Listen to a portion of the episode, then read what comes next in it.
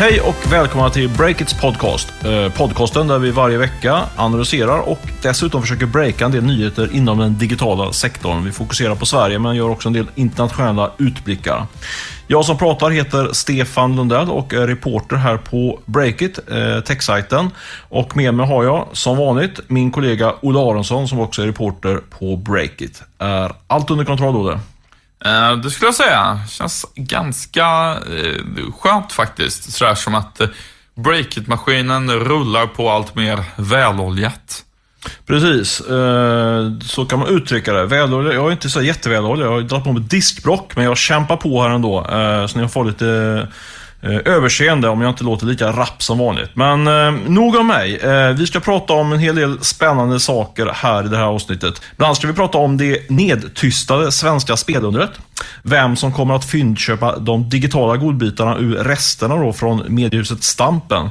Och så är det äntligen dags för nyemission i Breakit. Vi yes! Har, vi har alla detaljerna.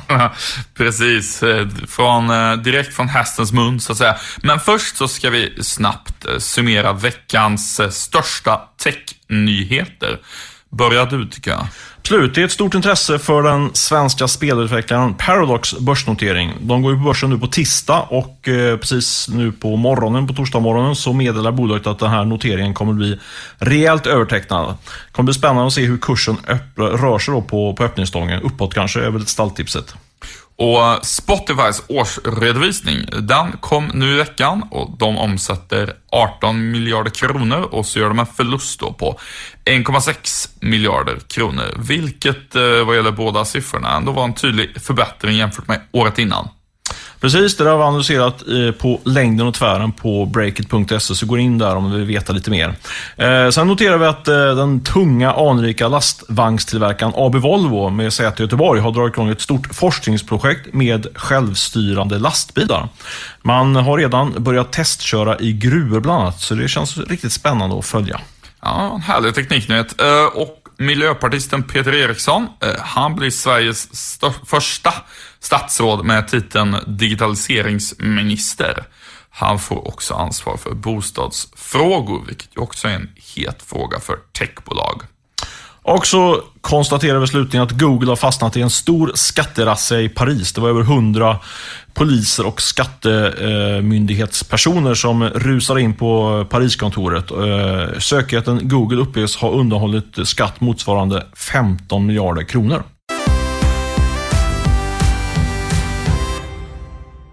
Den här veckan sponsras vi av Miss Hosting, vår trognaste sponsor alla kategorier faktiskt. Ja, är det så? Det trognaste av alla? Ja, men så är det. Eh, det är faktiskt så att Miss Hosting har varit med oss ända sedan starten och nu kan vi avslöja här i podden att de förlängt sitt samarbete med oss ytterligare ett gäng månader.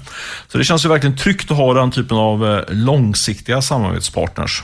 Ja, det är härligt tycker jag att de hänger med oss i vått och torrt och stöttar vår journalistik. Verkligen. Och eh, Miss Hosting är inte bara sponsor en sponsor att lita på, utan är också en leverantör av hostingtjänster. Och jag tycker att du kan vända dig till dem med, med 100% konfidens om du är sugen på att eh, till exempel dra igång en sajt eller få hjälp med hosting av en sajt. Absolut, om du behöver hjälp med hosting eh, av en ny hemsida så är det Miss Hosting du ska vända dig till. Gå in på Breakit och spana in Miss Hostings supportersida om du är intresserad av att veta lite mer. Eh, och Eh, så tackar vi helt enkelt Miss Hosting för veckans sponsorskap. Tack Miss Hosting! Då har det blivit dags för oss att göra något vi tycker väldigt mycket om, nämligen prata lite om oss själva och vårt eget företag. Stefan, vad är det vi har på gång där? Ja, vi flaggade ju här tidigare i våras att vi var, hade funderingar på en nyemission. Sen fick jag en kraftig bakläxa av styrelsen. Den var väldigt eh, grunt eh, researchad, eh, de tankarna. Men sen har, vi, har, du och jag suttit på våra respektive kammare och tillsammans och eh, snickat ihop en pitch eh, som vi har fått lite bättre gehör på. Så nu är vi, nu är vi igång. Nu, nu ska vi eh, göra en liten nyemission. Eh, det är ju inte så att vi har något akut kapitalbehov, men eh, vi känner ju att vi kan, eh, skulle kunna få liksom en extra kapitalboost eller boost på hela verksamheten om vi tog in några miljoner eller, eller lite mer kanske. Vi får se. Men det går väldigt bra för verksamheten, måste vi väl ändå lägga till när vi nu ska sitta, in, sätta här och pitcha lite grann vår nyemission. Vi har ju all time high i intäkter två månader i rad och pengarna bara rasar in på bankkontot. Det känns ju skönt. Ja, i det här läget så eh, man skulle kunna eh, komma med ett motargument då och säga att det är lite korkat att ta in nya pengar när det ändå går bra för verksamheten. Hur, hur, hur ska vi resonera kring det tycker du? Ja, det är ju en, en invändning vi har fått från våra, våra nuvarande ägare. Varför inte bara rulla på nu när det går så bra? Uh, och det skulle man väl kunna göra, men, men vi, vår känsla är väl... Dels är det och sen är det också såklart en nedsida som för dig och mig, Olle. Vi, har inte, vi, vi badar ju inte själva i pengar, så vi kommer ju sannolikt bli utspädda när vi tar in lite mer kapital. Om inte du lyckas uh, belåna ditt hus mer som du hade planer på? Det är, det är belånat upp till taknocklarna, så det går nog inte, uh, tror jag. typ typ. Men, nej, men om man ska vara lite seriös så, så är det väl så att eh, vi ser helt enkelt en större potential om vi plockar in lite pengar nu att eh, bygga bolaget, eh, få ett mycket större värde på bolaget på några års sikt eh, än om vi liksom bara ligger och puttrar på. Och eh, pitchen mot eh, nya och befintliga investerare ser ju i, i korthet ut som följer att vi ska satsa mer pengar på eh, teknikutveckling eh, för att eh, ytterligare så att säga, skapa en mer matig och användarvänlig sida, vilket kommer generera mer sidvisningar, vilket i förlängningen skapar större annonsintäkter. Sen tänker vi också använda pengarna till att anställa ytterligare folk för att öka intäkterna på de delarna som vi just idag inte har typ tid att gräva vidare i. Vi ser att det finns en stor potential till exempel i event som vi har börjat nosat på. Men, men kan vi få in lite kapital och resurser så, så tror jag att det kan eh, skapa rätt rejäla intäkter där faktiskt. Hur har reaktionen varit så här långt från investerarna skulle du säga? Ja, vi försöker vara transparenta och tidigt ute och prata om det här. Vi fick ju faktiskt OK på den här nyemissionen för bara några dagar sedan. Så, så det, ja, av styrelsen skulle vi säga. Exakt, eh, då får vi förankra de, den typen av tunga beslut hos styrelsen. Eh, men jag har börjat ringa runt lite grann till, till folk som skulle eventuellt kunna tänka sig investera i eh, vårt lilla bolag och det har varit väldigt positiv respons. Eh, vi ska ju nu inte ta in hundratals miljarder eller miljoner men så jag tror alltid ska lyckas, lyckas locka investerare till den, här, till den här investeringen. Men jag tycker det är intressant om man ändå ska lyfta blicken lite grann och liksom dra lite mer ska säga, eh, generella slutsatser och sånt som kanske andra kan ha nytta av också som är i liknande situationer. Det är ju liksom att eh, det är oerhört vad, vad folk eller investerarna då reagerar olika på, på den här väldigt enkla pitchen vi har, vi har dragit för dem. Eh, senast, för, var det igår var det, eller förrgår, så träffade jag två investerare. Eh, eller hade kontakt med två investerare. Den ena sa, det här är ju alldeles för defensivt. Liksom. Du måste liksom pitcha in att eh, ni ska erövra Europa. Eh, jag vill liksom bli, bli lockad utav, utav potentialen mycket mer än, än du målar upp. Och den andra sa precis tvärtom. Liksom, skönt att, ni, att ni inte är så aggressiva. Att ni liksom gräver där ni är på, på hemmaplan och utvecklar det. Det gillar jag verkligen. Eh, så man kan se att eh, precis samma pitch kan få helt olika reaktioner. Men i det här fallet, i båda, båda de här fallen så var det roliga var att båda sa att de var sugna på att investera, så det var ju positivt. Det säger, det säger någonting. Det känns nästan som att det liksom är mer konst än vetenskap. Eller vad man ska säga. Hela. Det tror jag absolut att det är. Alltså, det är ju ingen vetenskap det här. Det är, det är samma sätt när man, på samma sätt när man ska sätta... Ja, vi hade en diskussion igår från en annan investerare. Var, varför motiverar ni det här värdet på bolaget? Liksom? Och det är, ju, det är ju verkligen ingen vetenskap. Utan det är, det är mycket hur man... Man försöker hitta olika saker att hålla sig och argumentera. Men, men i slutändan är det mer en tro på, på om vi lyckas dra hem det vi lovar i framtiden eller inte. Och det, det kan man inte veta faktiskt. Nej. Eh, du, ehm, en del som lyssnar på podden kanske frågar sig varför pratar vi så öppet om det här? Eh, det är ju inte bara du som gör det, utan jag gör också det när jag är ute och träffar entreprenörer och andra personer man ska intervjua och så. Normalt sett brukar ju folk vara väldigt hemlighetsfulla med nyemissioner tills de är färdiga. Varför är vi så öppna? Nej, men dels tycker jag att det är ju verkligen ingen, ingen, som man brukar säga när det verkligen är något dramatiskt. Det finns ingen dramatik i det här, brukar, brukar, man, brukar folk säga när man ringer och, och eh, konfronterar med, med, med, med något verkligt dramatiskt. Men i det här fallet är det inte någon stor dramatik. Eh, så jag tycker dels är det ett skäl att, så att avdramatisera och avmytologisera liksom hela den här finansieringsprocessen som många utav de vi skriver om befinner sig i med jämna mellanrum. Eh, och det andra är ju att vi, eh, du och jag, ringer och, och gräver och kräver folk, folk på svar eh, titt som tätt i den här typen av frågor. Och då tycker jag att eh, det kan vara fair att vi är väldigt öppna eh, i den processen när vi kräver att andra är det.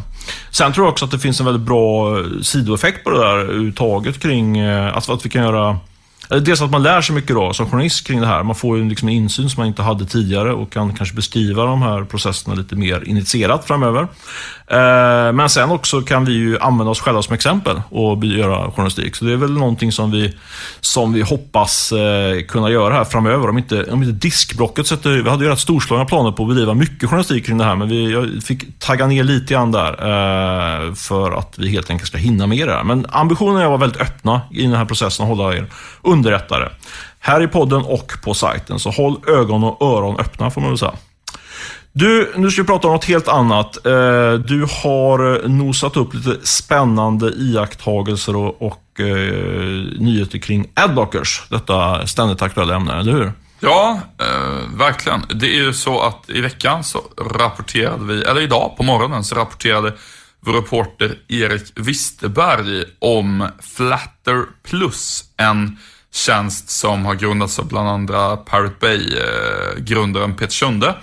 Och det ska vara ett nytt sätt för ehm, mediebolag att få folk att sluta adblocka så att man kan tjäna pengar på journalistik som man gillar på ett annat sätt. Lite förenklat handlar Flatter Plus om att man ska ge pengar till artiklar man gillar helt enkelt.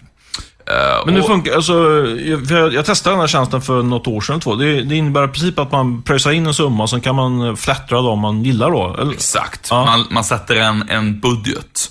Och sen så kan man liksom fördela den. Man, man har en fast budget på månadsbasis och sen väljer man sen beroende av vad man klickar på, eh, hur man ska fördela de pengarna. Men det var ganska, inte helt användarvänlig, men det är det som den, kanske Flatter Plus ska råda bort Ja, på. precis. Det är den icke-lanserade tjänsten. Den har inte kommit än, så den har vi inte testat då. Nej. Men eh, avslöjandet där bestod egentligen dels i att Flatter Plus kommer, också avslöjade Erik Wisterberg att eh, det var så mycket som 300 000 euro som bolaget ad, bakom Adblock Plus, som heter IO, stoppade in i svenska Flatter.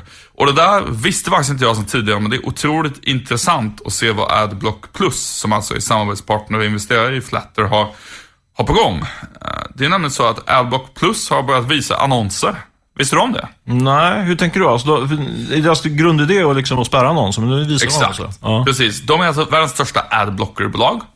Eh, och de har man ju en blandad relation till, kan man säga som publicist. Eh, men nu ska de börja tjäna pengar genom att släppa igenom vissa annonser som de tycker är okej. Okay. Mm -hmm. Och det som är, jag tycker är otroligt nästan så provocerande med det, det är att då ska de ta 30% av intäkten. Spontant kan jag tycka att det känns otroligt mycket. Och det här har ju folk reagerat på. Men alltså jag kan tycka varför som överhuvudtaget har en anledning. Alltså det är väl mer att de, om de godkänner några För de förtjänar, det är ju inte det som är deras ursprungliga affärsidé va? Det är väl att de ska, man Nej, det, affärsidén i grunden är väl i princip att inte ha en affärsidé. Alltså det är väl gratis att ladda ner. Aha, okay. Sen finns det ju Adblocker-appar som kostar, kostar, pengar också, men jag tror att här är upplägget mer liksom, få väldigt många användare genom att erbjuda en tjänst gratis och sen hittar man på en affärsmodell. Okay. Uh, så att det är ju tanken nu då. Men, uh, alltså, och det här har ju förstås fått otroligt hård kritik. Jag kan, kan bara, bara flika in där, de sätter de här 30 procenten i relation då. Det är ju vad, vad man normalt sett betalar till, till ett uh, annonssäljbolag liksom, i provision. Så det Precis. saftig provis ändå. Verkligen. Uh, och det, det, här är någonting som, alltså att, att adblockers är någonting som kanske 20-30 eller enligt vissa undersökningar till och med 40 procent av befolkningen i Sverige använder, det känns sedan tidigare och det är ett stort hot mot mediernas digitala affär. Men nu, eh, det vi ser en trend ehm, eh, på nu är ju att adblockerbolag alltså försöker skjuta sig in som ett lager mellan användaren och publicisten och liksom, vad ska man säga, de blir lite som en sorts inofficiell annonsbranschorganisation som ska säga vilka annonser som är okej okay och inte. Och det där är ju extremt problematiskt skulle jag säga. Och det har man ju sett också, Douglas Roos, bland annat grundaren till Nyhets24, har ju gått ut och sagt att det här är utpressning. Mm. Och ur ett svenskt startup-perspektiv så tror jag att att Flatter har ett samarbete då med eh, IO som ligger bakom Adblock Plus. Vad tycker du, men bara, om, vad tycker du om Douglas Roos utspel? För han har varit väldigt aggressiv. Han tycker liksom att det, var, varför stämmer inte skiten nu då? Liksom, varför går vi inte ihop mediebolagen och, och, och stämmer de här? Så kan man argumentera. Vad, hur ser du på det? Så, här, så länge det handlade om adblockers i sig, att de eh, bara stoppar annonser, då, då, tycker jag man ska se det mer som att okej, okay, hur kan vi i någon sorts dialog med våra användare hitta en modell kring det här? Alltså då har jag aldrig tänkt att jag ska stämma några adblockbolag. Däremot när man hamnar i det här att de vill avgöra vilka annonser som ska synas på sajten och inte. Och då eh, ta en så pass stor andel av intäkterna kring det. Då tycker jag att man på allvar får börja fundera på om inte vi mediebolag ska gå ihop och säga att det här accepterar vi faktiskt inte. Eh, för någonstans där tycker jag liksom att det, det kan inte vara rimligt att en aktör eh, som vars syfte liksom är att blockera ett innehåll som publicisterna har bestämt ska synas på sajten, att en aktör tar en så stor andel av indexkakan och dikterar vilket innehåll som visas. Det innebär ju också att Adblock Plus tar någon sorts nästan publicistiskt ansvar för vad som ska synas och dessutom så det löser ju inte alls det här problemet då som många använder adblockers för, nämligen att göra att sidorna laddar långsammare.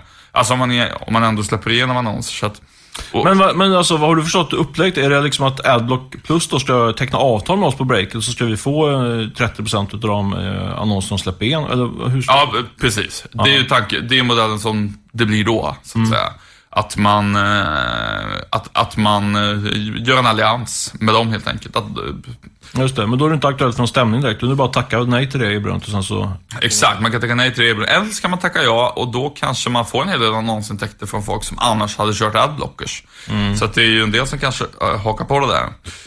Men kontentan ur ett svenskt startup-perspektiv så tror jag liksom att Flatter nu har Adblock Plus som investerare och väldigt nära samarbetspartner. Det är hur det verkligen kommer att ligga Flatter i fatet när de ska marknadsföra Flatter Plus mot eh, publicister som Breakit eller Schibsted eller vem det nu kan vara. Eh, hade det varit Flatter utan det samarbetet hade man tänkt, hmm, det här var spännande grejer. Det kanske kan vara intressant att testa. Nu känns det ju mer som att eh, man, eh, känns mer som att ligga med fienden, så att säga. Vad, vad, vad känner du när du hör om det? Nej, jag vet inte. Jag har ju varit lite kluven här allmänt. Från, jag har gått från att jag typ hatat adblockers till att jag ändå har fått en viss förståelse för, för den problematiken. Att, eh, att äh, annonserna är ju sjukt störande liksom. Och det är på något sätt så, så måste man ha förståelse för användare som, som tröttnar till sist. Äh, men det där är ju sjukt svår problematik. Äh, och ja, jag passar. Jag tycker det är svårt. Jag, jag, det är både och liksom. Men i grunden så vill man ju att folk ska på något sätt betala för den journalistiken som man gör. Dels om man, om man gör det som prenumererande användare, om man gör det så att säga, betalar med sin tid, exponeringstid mot annonser. Det, det, spelar inte stor roll för mig, men i grunden vill man ändå ha betalt för Vi måste ju ändå ha lite mat på bordet här eh, på breaket. Så där någonstans står jag. Men då har jag lite ambivalent. Svårt, tycker jag. Intressant eh, också om man ska säga det, det finns ju, mm, eh, vi har ju en typ av innehåll som ändå en del människor säkert skulle kunna tänka sig betala för. Det finns ju en massa icke-journalistiska sajter, eh, ja, alla bolag eller vad nu det kan vara liksom, som eh, jag tror inte alls har den möjligheten kanske på samma sätt riktigt. Eh, familjeliv eller vad, vad det nu kan vara. Det, där blir Adblockers ett annat typ av problem. Hur ska liksom betalningen se ut då? Eh, men du, kanske från Adblockers då till en av de stora annonsköparna eh, inte minst i det svenska näringslivet, nämligen spel och kasinobolag på nätet som ju plöjer ner väldigt stora belopp på banners. Vi ska prata lite om dem. Ja, absolut, en klassisk radioövergång där. Eh, vi vill ju uppmärksamma att i veckan såldes ju en svensk spelstudio. Det var vi först att rapportera här på Breakit. Den svenska sp spelstudion Quickspin såldes till den brittiska jätten Playtech för nästan en halv miljard kronor. Och jag tänkte börja med det och fråga dig spontant. Eh, känner du till Quickspin sedan tidigare? Nej. Inte alls. Inte jag heller. Det var liksom helt nytt för mig. Vi fick, eh, fick tips om den här affären och eh, jag tycker att det sätter, sätter fingret lite grann på, på vad underrapporterad eh, den här delen av spelsektorn är egentligen. Eh, Quickspin sitter bara några hundra meter från vår redaktion på Östermalm i Stockholm. Eh, dubblade omsättningen till 60 miljoner och gjorde en vinst på nästan 15 miljoner förra året. Och har 45 anställda. Merparten av dem sitter i Stockholm och eh, programmerar olika typer av eh, bettingspel. Då. Eh, rätt intressant tycker jag att en sån, en sån snabbväxare, bolag som, som får en prislapp på sig på en halv miljard, liksom helt går under radarn här eh, medialt. Vad tycker du? Ja, det är verkligen intressant. Det, det blir liksom, man märker att det finns lite kulturer i vissa branscher på något sätt. Um, i, liksom i, i, vissa branscher är företag ute väldigt mycket och pratar om sin verksamhet innan de knappt har kommit igång. Och i andra fall så uh, pratar man aldrig överhuvudtaget. Mm. I princip så visar det sig att man är liksom ett miljardbolag. Så var det. Alltså, jag ringde ju till uh, vdn här. Vi jagade ju, jagade ju jagade in honom så att säga. Och uh, det första han sa... Underbar journalist här. Det, ah, exakt. folk visste allt vi sa om det. Jaga in det här. Det, det... Ah, men, man, men det är ju fair. Man vill ju ha en kommentar från någon person Absolut. som säljer sitt bolag för en halv miljard. Liksom. Det är ju en nyhet och vi rapporterar om det oavsett så att säga. men det första han sa till mig var att ja, vi hade helst hoppats att det inte blir uppmärksamhet runt det här. Men då sa jag ett en London börsnoterat bolag köper någon, ett svenskt bolag för en halv miljard, då får man nog räkna med att en journalist ringer och frågar lite grann. Eh, men det säger ändå lite grann om eh, i alla fall vissa, vissa personers inställning till uppmärksamhet då i, i det här segmentet. Och det är väl en orsak till att det inte blir så mycket uppmärksamhet. Men jag tror också att det, att det kan finnas andra orsaker till att eh, till att de inte får egentligen den eh, uppmärksamheten som de förtjänar, de här svenska spel eller bettingbolagen. Eh, jag pratade med, med en sån riktig superentreprenör inom, inom det här segmentet för några dagar sedan, Anders Ström, grundare till Unibet. Eh, och han sa ju till, till ja, vi pratade med honom ihop här, han sa ju att eh, det finns ett gäng såna här eh, liknande spelstudios bara i Stockholm som, som går jättebra men som, som, inte, ja, som vi har ingen aning om trots att vi, bevakar, ja, vi bevakar ju den här sektorn, i alla fall angränsande sektorn. Sen har du ju också Unibet då, som Anders Ström har startat, du har Betsson, du har Net, NetEnt heter det numera. Det är ju, stor, det är ju unicorns i, eh, i dess eh, verkliga bemärkelse, eh, tjänar hur mycket pengar som helst. Men ändå får de ju väldigt lite uppmärksamhet. Jämför då till exempel med, med spelbolaget King eller Mojang då, som, som det skrivs jättemycket om. Oavsett, eh, trots att de är väldigt lika. Eh, vad, vad tror, vad, ser du någon skillnad egentligen med de här? Varför borde det inte vara liksom ungefär samma, samma tryck på de här bolagen medialt? Jag tycker att Mojang är, in, hör inte till den gruppen. Till att börja med, det är ju um, Ehm, det är ju mer liksom gaming, alltså att man, man säljer ett spel och tar betalt för, för det. Liksom. Ungefär som stora äventyrsspel och första persons shooterspel och sådär. Um, ja, men det håller jag med. Alltså, King har ju en, Kings affärsmodell är ju snarlik så att säga ett spelbolag eller bettingbolag. Så att man, mm. men, men samtidigt kan man ju anföra, liksom, om man tittar på de som jobbar på de här firmorna, så ju, de som jobbar på Mojang skulle lika väl kunna jobba på Unibet eller Betsson eller någonstans. Så det, om man utifrån det perspektivet så är det ju samma, samma personer liksom, som, som, eh, som är aktiva i den här sektorn. Uh, ja, det, det, tror jag inte, i och för sig inte stämmer heller vad gäller Mojang just. Men om vi tar King då. Tror du det? Spel, spelutvecklare. kan vi jobba både på... Alltså, eh, de, de är här, alltså Notch jobbar på King eh, som spelutvecklare. Och han skulle väl kunna dra vidare till en spelstudio som utvecklar Betty-spel, eller? Jo, men absolut. Men då skulle man kunna hävda att man skulle kunna jobba på Klarna eller Spotify vad som helst. Alltså jag tror att Ja, men jag, tänker, jag tänker så här, journalist, alltså liknelsen är så här. Journalister jobbar ju på, för tidningen Land som skriver om lantbruk, men de kan ju också jobba för, för någon mattidning eller Dagens Industri mm. så att säga. Och det är ändå, Resumé skriver ju ändå om dem, så oavsett. Eh, nej, men absolut, det är så jag menar. Eh, på, nej, men på, det, på det sättet är det absolut rimligt och vad vi journalister ska, ska skriva om eh, och så. Men jag, jag tror liksom att om vi ska gå in i kärnfrågan egentligen, varför får det svenska liksom bettingundret mycket mindre uppmärksamhet än spel som, uh, ja, vad ska man säga, underhållningsspel versus betting. Mm. Då tror jag det handlar om två saker. Uh, det ena, uh, i grund och botten, handlar liksom om vad folk i Sverige liksom är stolta över att vi har presterat här. Och jag tror att det gemene man är liksom stolt över att Mojang är svenskt, men jag tror liksom gemene man inte är jättestolt över att Betsson är svenskt. Alltså om vi pratar den breda allmänheten och inte liksom affärskretsarna i Stockholm och så. Ehm, det tror jag är en grej. Och sen så är det förstås så att det är många människor som tycker att det är fult med nätkasino och eh, betting och det associeras till problemspel och spelberoende och sådär. Och det gör väl i sin tur att en del av entreprenörerna som driver den där verksamheten blir lite rädda för uppmärksamhet och inte vill synas så mycket.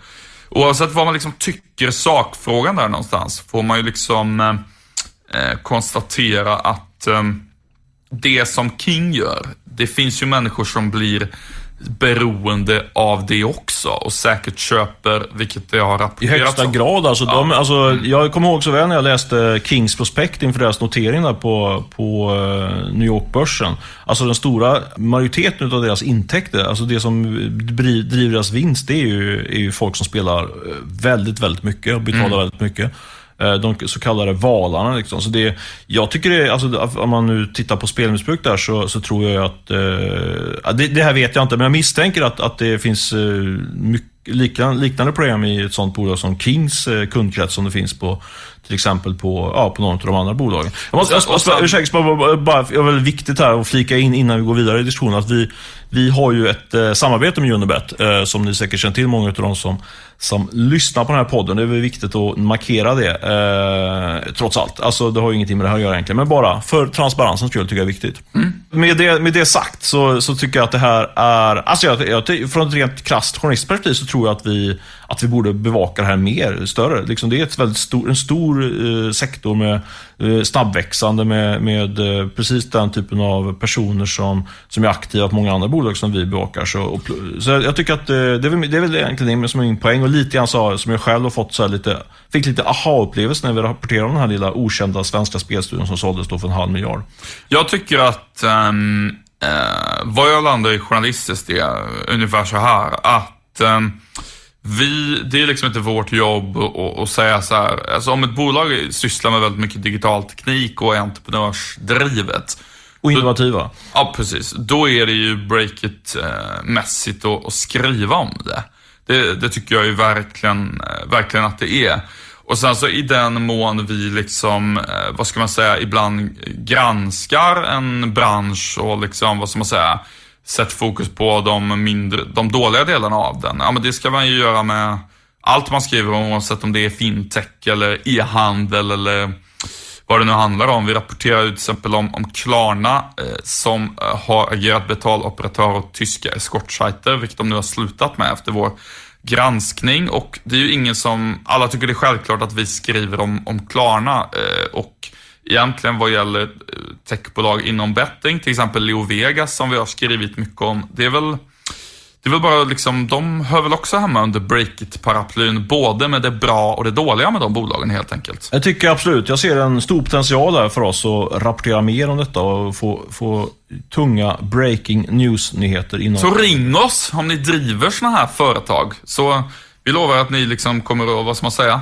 Vi kommer att bevaka er, inte med någon liksom fördom mer än om någon annan bransch. Liksom. Så är det. Kanske ett ämne för en redaktionskonferens här innan vi går vidare på detta tema. Vi måste såklart prata lite mer om eh, det här offret som vi har sett eh, den senaste veckan i digitaliseringens eh, spår. Det är ju mediejätten Stampen som, som äger allt från Göteborgs-Posten till Familjeliv. De har ju försatt sig själva i rekonstruktion, eller fått godkännande att få sätta sig i rekonstruktion. Olle, vad är din tanke om den här nyheten?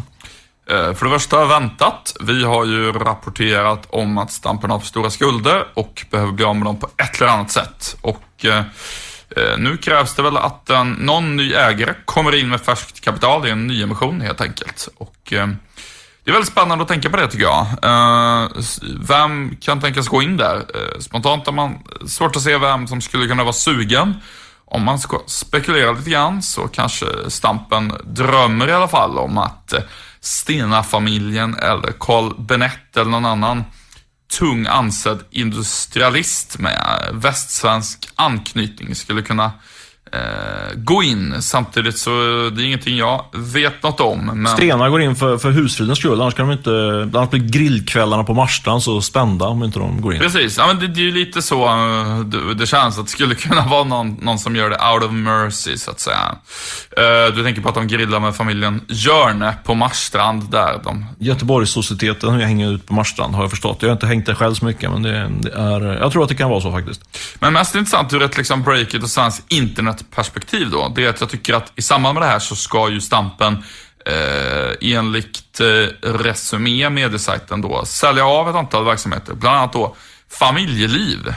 Eh, lite av en digital juvel som tjänar mycket pengar i, eh, på det svenska internet. Eh, familjeliv har ju enormt mycket trafik, är väldigt populärt och eh, det här med forum som folk trodde skulle dö när Facebook kom, det står ju sig fortfarande jättestarkt. Lite Alltså, som, jag måste, det är ju helt anekdotiskt, men så fort man har något problem som man googlar på, inte så fort man... Off, jag skulle säga i sju av tio fall när jag googlar på någon fråga, det kan vara någon barnsjukdom, visst hamnar man på fam- familjeliv. De är Mm. starka på, på Google, måste man säga. verkligen, och det är lite som eh, när man söker på motsvarande grejer på engelska om någonting med affärer så kommer man alltid till Quora.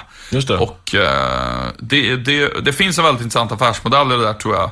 Eh, på lång sikt. Har du förklarat Quora, vad det är för något? Eh, ja, det är förenklat, det är en startup som är en sajt där du kan ställa frågor och sen svara folk. Och de har varit väldigt bra på att få folk som har bra svar och att eh, ställa frågor helt enkelt.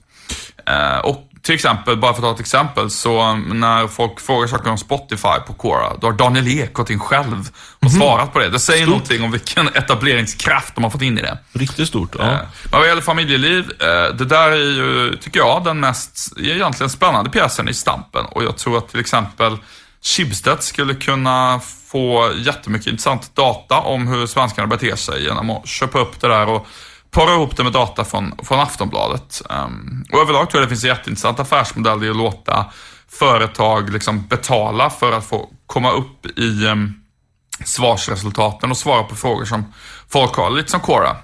Men eh, med det sagt så är det väl mest då sannolikt att eh, enligt Resumés uppgifter då att eh, Stampen säljer familjeliv till, till Aller som äger massa klassiska eh, magasin av, av, olika, av olika slag. De höll på, enligt, enligt eh, Resumé, eller enligt Honken på Resumé, så håller de, pågår det förhandlingar mellan Aller, danska Aller och, eh, och Stampen. Precis. Eh, Det ska bli väldigt intressant att se vad det blir av familjeliv. Jag tror det är verkligen finns outnyttjad potential i det där med tanke på vilken enorm publik eh, de har. Vad tänker du om Stampens situation? Ja, I grunden tror jag att, att det är alltid lätt att vara efterklok. Liksom. Det måste man ändå ha med sig. När man, när man, eh, det kom, de får ju sjukt mycket skit nu, liksom, familjen Hjörne och Thomas Brunegård då, som var, som var eh, styrelse, eller vet du, VD för, för det här bygget. Eh, men, men med det sagt så, att säga, så kan man konstatera att eh, jag tror att de tänkte rätt, men gjorde två stora fel. Alltså de, de köpte ju på sig en massa lokaltidningar och även tryckerier för att konsolidera eh, dagstidningsmarknaden kan man säga. De såg att, såg att digitaliseringen komma, men sen så när de väl hade köpt de här bolagen, dels så betalade de alldeles för mycket. De be- betalade ju för centertidningar i en i väldigt hetsig budgivning, en, vad var det, en, en och en halv, två miljarder, något liknande. Ja, antingen 1,6 eller 1,8, någon av de två Det var siffrorna. galet mycket pengar i alla fall. Men det var, Det gjorde Centerpartiet till, citat, eh, enligt vissa medier, världens rikaste politiska parti. Exakt, exakt. Jag tror det var 21 budgivare med i den där processen. Så det är lätt att dras med då. Det vet ju alla som varit med i en budgivning på en bostadsrätt i Stockholms innerstad. Eller någon annanstans. Eh, så det första, man betalar för mycket. Eh, och sen så när man väl hade förvärvat de här pjäserna så var man helt enkelt för dåliga på att utnyttja synergierna. Eller för att vara väldigt krass, man var för dåliga på att skära och sparka folk. Eh, jag tror att man hade man varit mer aggressiv där så hade man eh, varit stått mycket bättre rustad sen när digitaliseringen slog med full kraft liksom, mot de här papperstidningarna. Eh, sen kan man ju såklart eh, så här i efterhand också känna sig lite provocerad av att familjen Hjörne och ledningen plockat ut typ 100 miljoner här innan kraschen. Det, det är klart, men, men det är inte det det det är inte bra såklart, men jag menar, det är inte det som är, som är orsaken till att, eh, till att det ser ut som det gör nu. Och jag skulle, om jag skulle ha någon, någon take på vad som kommer hända nu, så jag tror faktiskt att eh, den, den legendariska Göteborgs-Anna kommer att rädda eh, familjen Hjörne. Jag tror att någon... Tänker du på mutandan nu? Ah, men liksom att alla håller varandra. Att nu, det, här är ju ogrovt påhopp mot Göteborg. Men det finns ju ändå, finns ju ändå folk som hävdar att, många, att man eh, i den här Göteborgssocieteten håller varandra lite grann om ryggen och sådär. Eh, och hjälper varandra. I Göteborgsand är positiv märks är väl att man hjälps åt. Liksom. Och jag tror att någon av de rika Göteborgsfamiljerna går in och, och tar, eh, tar ett eh, ägaransvar i, i stampen. Och följden blir att eh, Hjörne Eh, familjen Hjörne går ner på, ja, de blir minoritetsägare i, i, det här eh, bygget. Det är väl min take på det hela. Vi får se. Du, eh, innan vi avrundar den här podden så eh, ska vi berätta för er som har missat det lite om den kanske mest kittlande storyn i Silicon Valley just nu. Vet du vad jag tänker på då, Stefan? Ba- du har bara nämnt det, men jag har faktiskt inte grävt någonting i det själv. Inte, inte hunnit läsa artiklarna. Så jag vet bara att det är något med Peter Thiel. Så du får, Precis. får berätta. Peter Thiel då, eh, kanske liksom mest mytomspunne eh, riskkapitalisten i ehm, eh, Silicon Valley. Han eh, har varit stor investerare i bland annat eh, Facebook eh, och eh, även i till exempel Palantir big data-bolaget som hjälpte till att hitta um, Usama bin Laden och som samarbetar med säkerhetstjänster och så. Eh, han är också känd för att han är libertarian politiskt och väldigt eh, vad ska man säga, en väldigt visionär eh, startup-guru och investerare. Går gärna mot strömmen. Mm, verkligen. Eh, och det som nu har kommit fram, det är att Peter Thiel, han har ett stort juristteam som, som bara jobbar med ett enda syfte och det är att liksom hitta eventuella juridiska snedsteg som nyhets och skvallsajten Gawker gör. Och vad är uppsidan på det då? Är det för att han ska tjäna pengar eller bara för att han hatar Gawker? Eller? Det är bara för att han hatar Gawker. eh, så här, eh, Gawker är en mediestartup kan man säga, som har varit ganska duktiga på att eh, ja, eh, vad ska man säga, sprida innehåll. Eh, de är bland annat kända för att eh, New York Times släppte en artikel, eh, hittade i arkivet sin riktiga artikel om huvudpersonen i 12 years a slave, den kända filmen som fick massa Oscars, då la New York Times bara liksom ut den. Det var de som gjorde det? Var Buzzfeed som gjorde det? Nej, det var Gawker som Aha. då plockade upp den nyheten och liksom vinklade om det rätt och fick all trafiken på New York Times originalartikel om slaven som 12 Years a Slave um, handlar om. Det var ju briljant. Originalartikeln från typ så 1850 liksom. Um, det var briljant, men sen gör, gör de mycket skit också måste man lägga till, eller hur? Verkligen, ja. uh, så är det ju. Och det är ju lite det det handlar om i det här fallet. Det är ju så att uh, det är Gawker är mest kända för just nu det är att de uh, har publicerat en sexvideo med wrestlaren Hulk Hogan. Hur, hur, motiverar de det publicistiskt? Liksom att det... Nej, men de Folket måste få veta. De, de motiverade publicistiskt med att Hulk Hogan har varit ute och um, uttalat sig om liksom, familjevärderingar och hur människor ska bete sig i privatlivet så på olika sätt. De menar liksom att han är en hycklare. Ja, det förstår jag. Uh, jag tror att han har legat med en uh, hustru till en um, Eh, Eh, en vän till honom och att det var det som syntes i den här videon. Som Gawker då, vilket man då publicistiskt förstås som svensk tycker är fel, eh, har publicerat den filmen. Därför har Hulk Hogan eh, stämt Gawker. Och Peter Thiel avslöjas det nu då har, ehm, eh, går in med pengar och finansierar upp det juridiska teamet som ska försöka stämma Gawker till konkurs. Och det här gör han då som hämnd. Och det här är alltså Tänk er motsvarande situation i Sverige om liksom en av Sveriges absolut eh, liksom, tyngsta startup-riskkapitalister. Eh, jag vet inte vem det skulle vara, liksom Per-Jörgen Persson eller, mm, eller Hjalmar Winblad eller någon. Om de så tydligt skulle gå och finansiera en rättegång som hämnd mot någonting. Ja, ni kan tänka er vilken stor story det här är i Silicon Valley. Eh, och det som, mm, om man kan då få lite mer förståelse för Peter Thiel ska man säga. När man läser alla artiklar som Gawker har skrivit om honom genom åren Hårda artiklar, hårdvinklade artiklar? Varför, varför då? Vad styr de? Nej, men eh, bara för att ta ett exempel. Peter Thiel är då homosexuell och ehm, eh, innan han liksom hade gått ut med det, eh, kommit ut, så skrev Gawker en artikel med rubriken Peter Thiel is totally gay.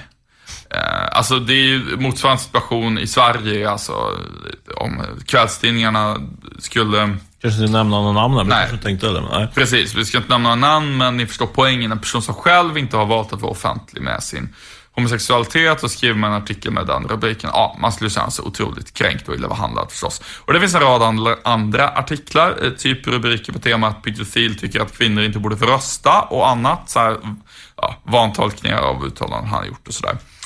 Ja, eh, den har ju, har, har ju ingredienser här som eh, bäddar för att man vill följa det här ändå i realtid nästan. Det är, det är spännande. För att säga. Jag, har ju, jag, jag, gillar ju hans bok som han kom ut med här för en vecka, för en vecka ett år sedan var det, typ, som vi pratar om här i, i podden. Men sen har ju Peter Field, vad hette den? Kommer du ihåg det i huvudet? Ja, jag googlar fram det här. Vad heter boken? Den heter Zero någonting, är det inte så?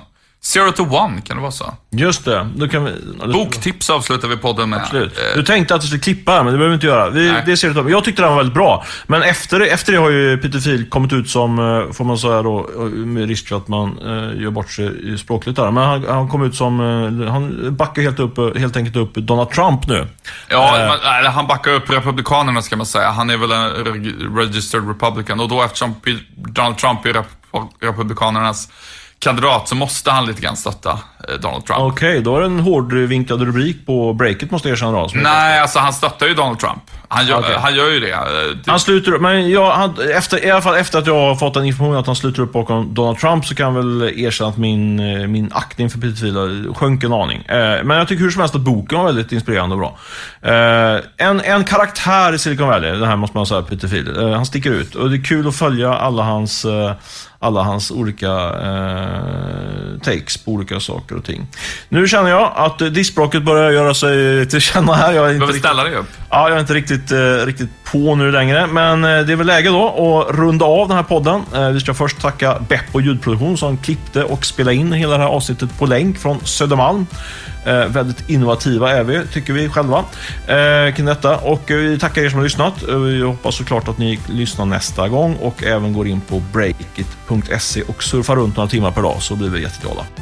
Ha det så bra. Hej då! Hej.